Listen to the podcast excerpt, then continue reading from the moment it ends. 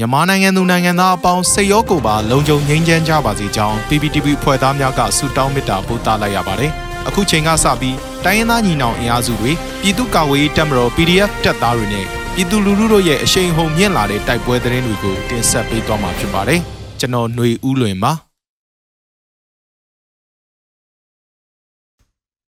ပထမဆုံးအနေနဲ့မုံရွာမြို့ပေါ်မှာတက်ဆွဲထားတဲ့ဆယ်မြောင်းယုံကို PDF လေးဘွယ်ဝင်ပစ်လို့စစ်သားလေးဦးဥကောင်းကြည့်ထိတေဆုံးတဲ့တဲ့ရင်ကိုတင်ဆက်ပေးမှာပါ။စကိုင်းတိုင်းမုံရွာမြို့ပေါ်ရှိတက်ဆွဲထားတဲ့တိုင်းဆယ်မြောင်းယုံကိုဒီနေ့မနက်10:00နာရီမှာ PDF လေးဘွယ်ပူးပေါင်း၍ဝင်ရောက်ပစ်ခတ်ရာစစ်သားလေးဦးဥကောင်းကြည့်ထိပြီးတေဆုံးသွားကြောင်းဒေသခံများနဲ့ဒေသကာကွယ်တပ်များအဆိုကိုကိုးကားပြီးမုံရွာဒေသသတင်းရင်းမြစ်ကပြောပါတယ်။စကိုင်းတိုင်းမုံရွာမြို့ချမ်းမြဝတီရပ်ကွက်အကြမ်းဖက်စစ်ကောင်စီတပ်များတပ်ဆွဲထားတဲ့ဆယ်မြောင်းယုံကို ဒီနေ့မနက်10:00နာရီဝန်းကျင်ကအချိန်မှာမြို့ပြပျောက်ကြားအဖွဲ့၄ဘွဲကပူးပေါင်းတိုက်ခိုက်ခဲ့ကြောင်းအဆိုပါတိုက်ခိုက်မှုမှာ PDF South မုံရွာမုံရွာ Heroes Group မုံရွာ UG Group နဲ့မုံရွာ Night King တို့ပူးပေါင်းတိုက်ခိုက်ခြင်းကြောင့်စစ်ကောင်စီတပ်သား၄ဦးသေဆုံးကြောင်းသိရှိရတာပါ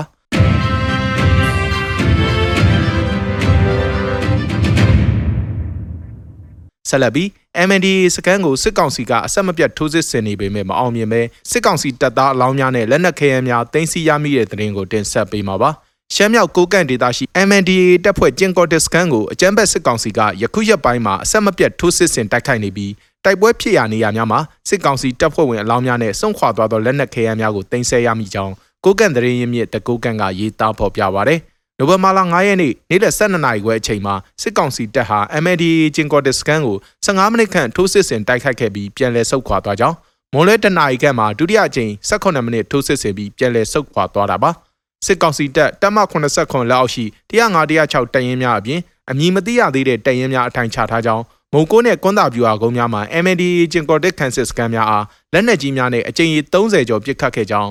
MNDA တပ်ဖွဲ့ဝင်တို့တန်ရရကြောင်းတကူကန်ထံမှသိရပါဗျ။ စစ်ကောင်စီတပ်ဟာရှမ်းမြောက်ရှိကိုကန့် MNDA တပ်ဖွဲ့နဲ့တိုက်ပွဲဖြစ်ပွားနေစဉ်ရှေ့တန်းကိုစစ်ကူအဆက်မပြတ်ပို့ဆောင်နေကြောင်းအေးမုံလုံးနန်ဆူနဲ့ဟွာကြောက်ဒေသများမှာစီးရေးလှုပ်ရှားလာကြောင်းစစ်ကောင်စီတပ်နဲ့ MND တပ်ကြားတိုက်ပွဲများဆက်လက်ဖြစ်ပွားလာနိုင်ကြောင်းတကူကန်ကရေးသားဖော်ပြထားပါတယ်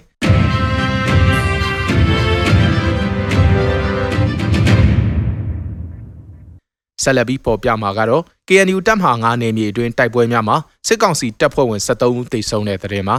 KNU မူတရောခရိုင်တပ်မဟာ9နယ်မြေအတွင်းစစ်ကောင်စီတပ်များလှုပ်ရှားမှုကြောင့်တိုက်ပွဲများနေ့စဉ်ဖြစ်ပွားလျက်ရှိကြောင်းနိုဝင်ဘာလ၄ရက်နေ့နဲ့၅ရက်နေ့မှာဘူးတို့မြို့နယ်အတွင်းတိုက်ပွဲ၅ကြိမ်ဖြစ်ခဲ့ပြီးဒွယ်လုံးမြို့နယ်မှာတိုက်ပွဲ6ကြိမ်ဖြစ်ခဲ့ကြောင်းနှစ်ရက်အတွင်းတိုက်ပွဲ17ကြိမ်မှာအကြမ်းဖက်စစ်ကောင်စီတပ်က10ဦးသေဆုံးက18ဦးဒဏ်ရာရရှိကြောင်း KNU သတင်းရင်းမြစ်ကပြောတာပါအလားတူနိုဝင်ဘာ6ရက်နေ့မှာလည်းဘူးတို့မြို့နယ်မှာတိုက်ပွဲ2ကြိမ်ဖြစ်ခဲ့ပြီးလူတော်မြို့နယ်မှာတိုက်ပွဲ1ကြိမ်ဖြစ်ခဲ့ကြောင်းနိုဝင်ဘာလ9ရက်နေ့မှာလည်းတိုက်ပွဲ1ကြိမ်ဖြစ်ခဲ့ကြောင်းနှစ်ရက်အတွင်းတိုက်ပွဲ4ကြိမ်ဖြစ်ခဲ့ပြီးအ ကြမ်းဖက်စစ်ကောင်စီဘက်မှ9ဦးသေဆုံးခဲ့ကြောင်းနိုဝင်ဘာလ4ရက်နေ့မှနိုဝင်ဘာလ9ရက်နေ့အထိတိုက်ပွဲ15ကြိမ်ဖြစ်ပွားပြီးစစ်ကောင်စီဘက်မှ73ဦးသေဆုံးကြောင်း KNU နယ်မြေကိုစစ်ကောင်စီတပ်များကျူးကျော်ဝင်ရောက်ခြင်းဖြစ်၍တိုက်ပွဲများမှာ KNU ဘက်မှအထီးကိုက်မရှိလို့သိရပါဗျ။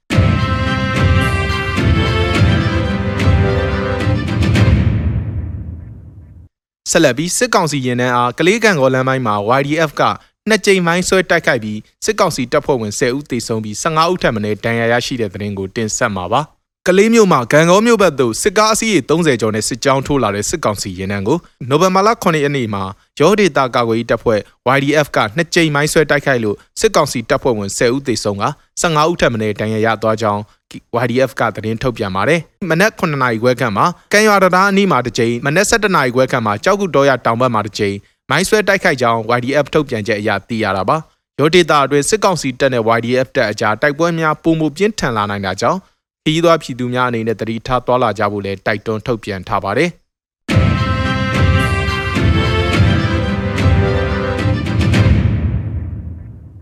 ဆက်ပြီးဖဲကုံကောင်းဤကြေးဝါနီတောင်ကျောမှာစစ်ကောင်စီတပ်နဲ့ကရင်နီပူးပေါင်းတပ်ဖွဲ့တွေတိုက်ပွဲဖြစ်ပွားပြီးစစ်ကောင်စီတပ်မှဗိုလ်တအုပ်ပါဝင် ထိခိုက်ကြရှုံးမှုများစွာရှိတဲ့တဲ့ရင်ကိုတင်ဆက်မှာပါ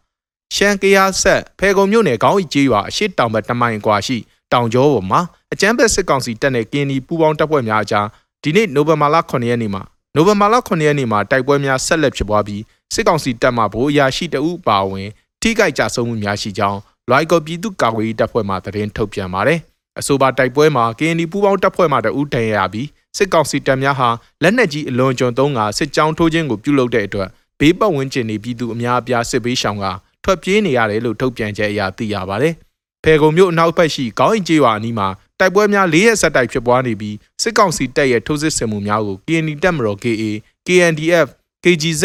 ဖေကုံမိုးပြဲလွိုင်ကော်ဒီမော့ဆို PDF များနဲ့အလဲပိုင်းတိုင်း PDF တပ်ဖွဲ့များပူးပေါင်းခုခံတိုက်ခိုက်လျက်ရှိပါတယ်ခင်ဗျာရေတော်ဘုံအောင်ရမည်ရေတော်ဘုံအောင်ရမည်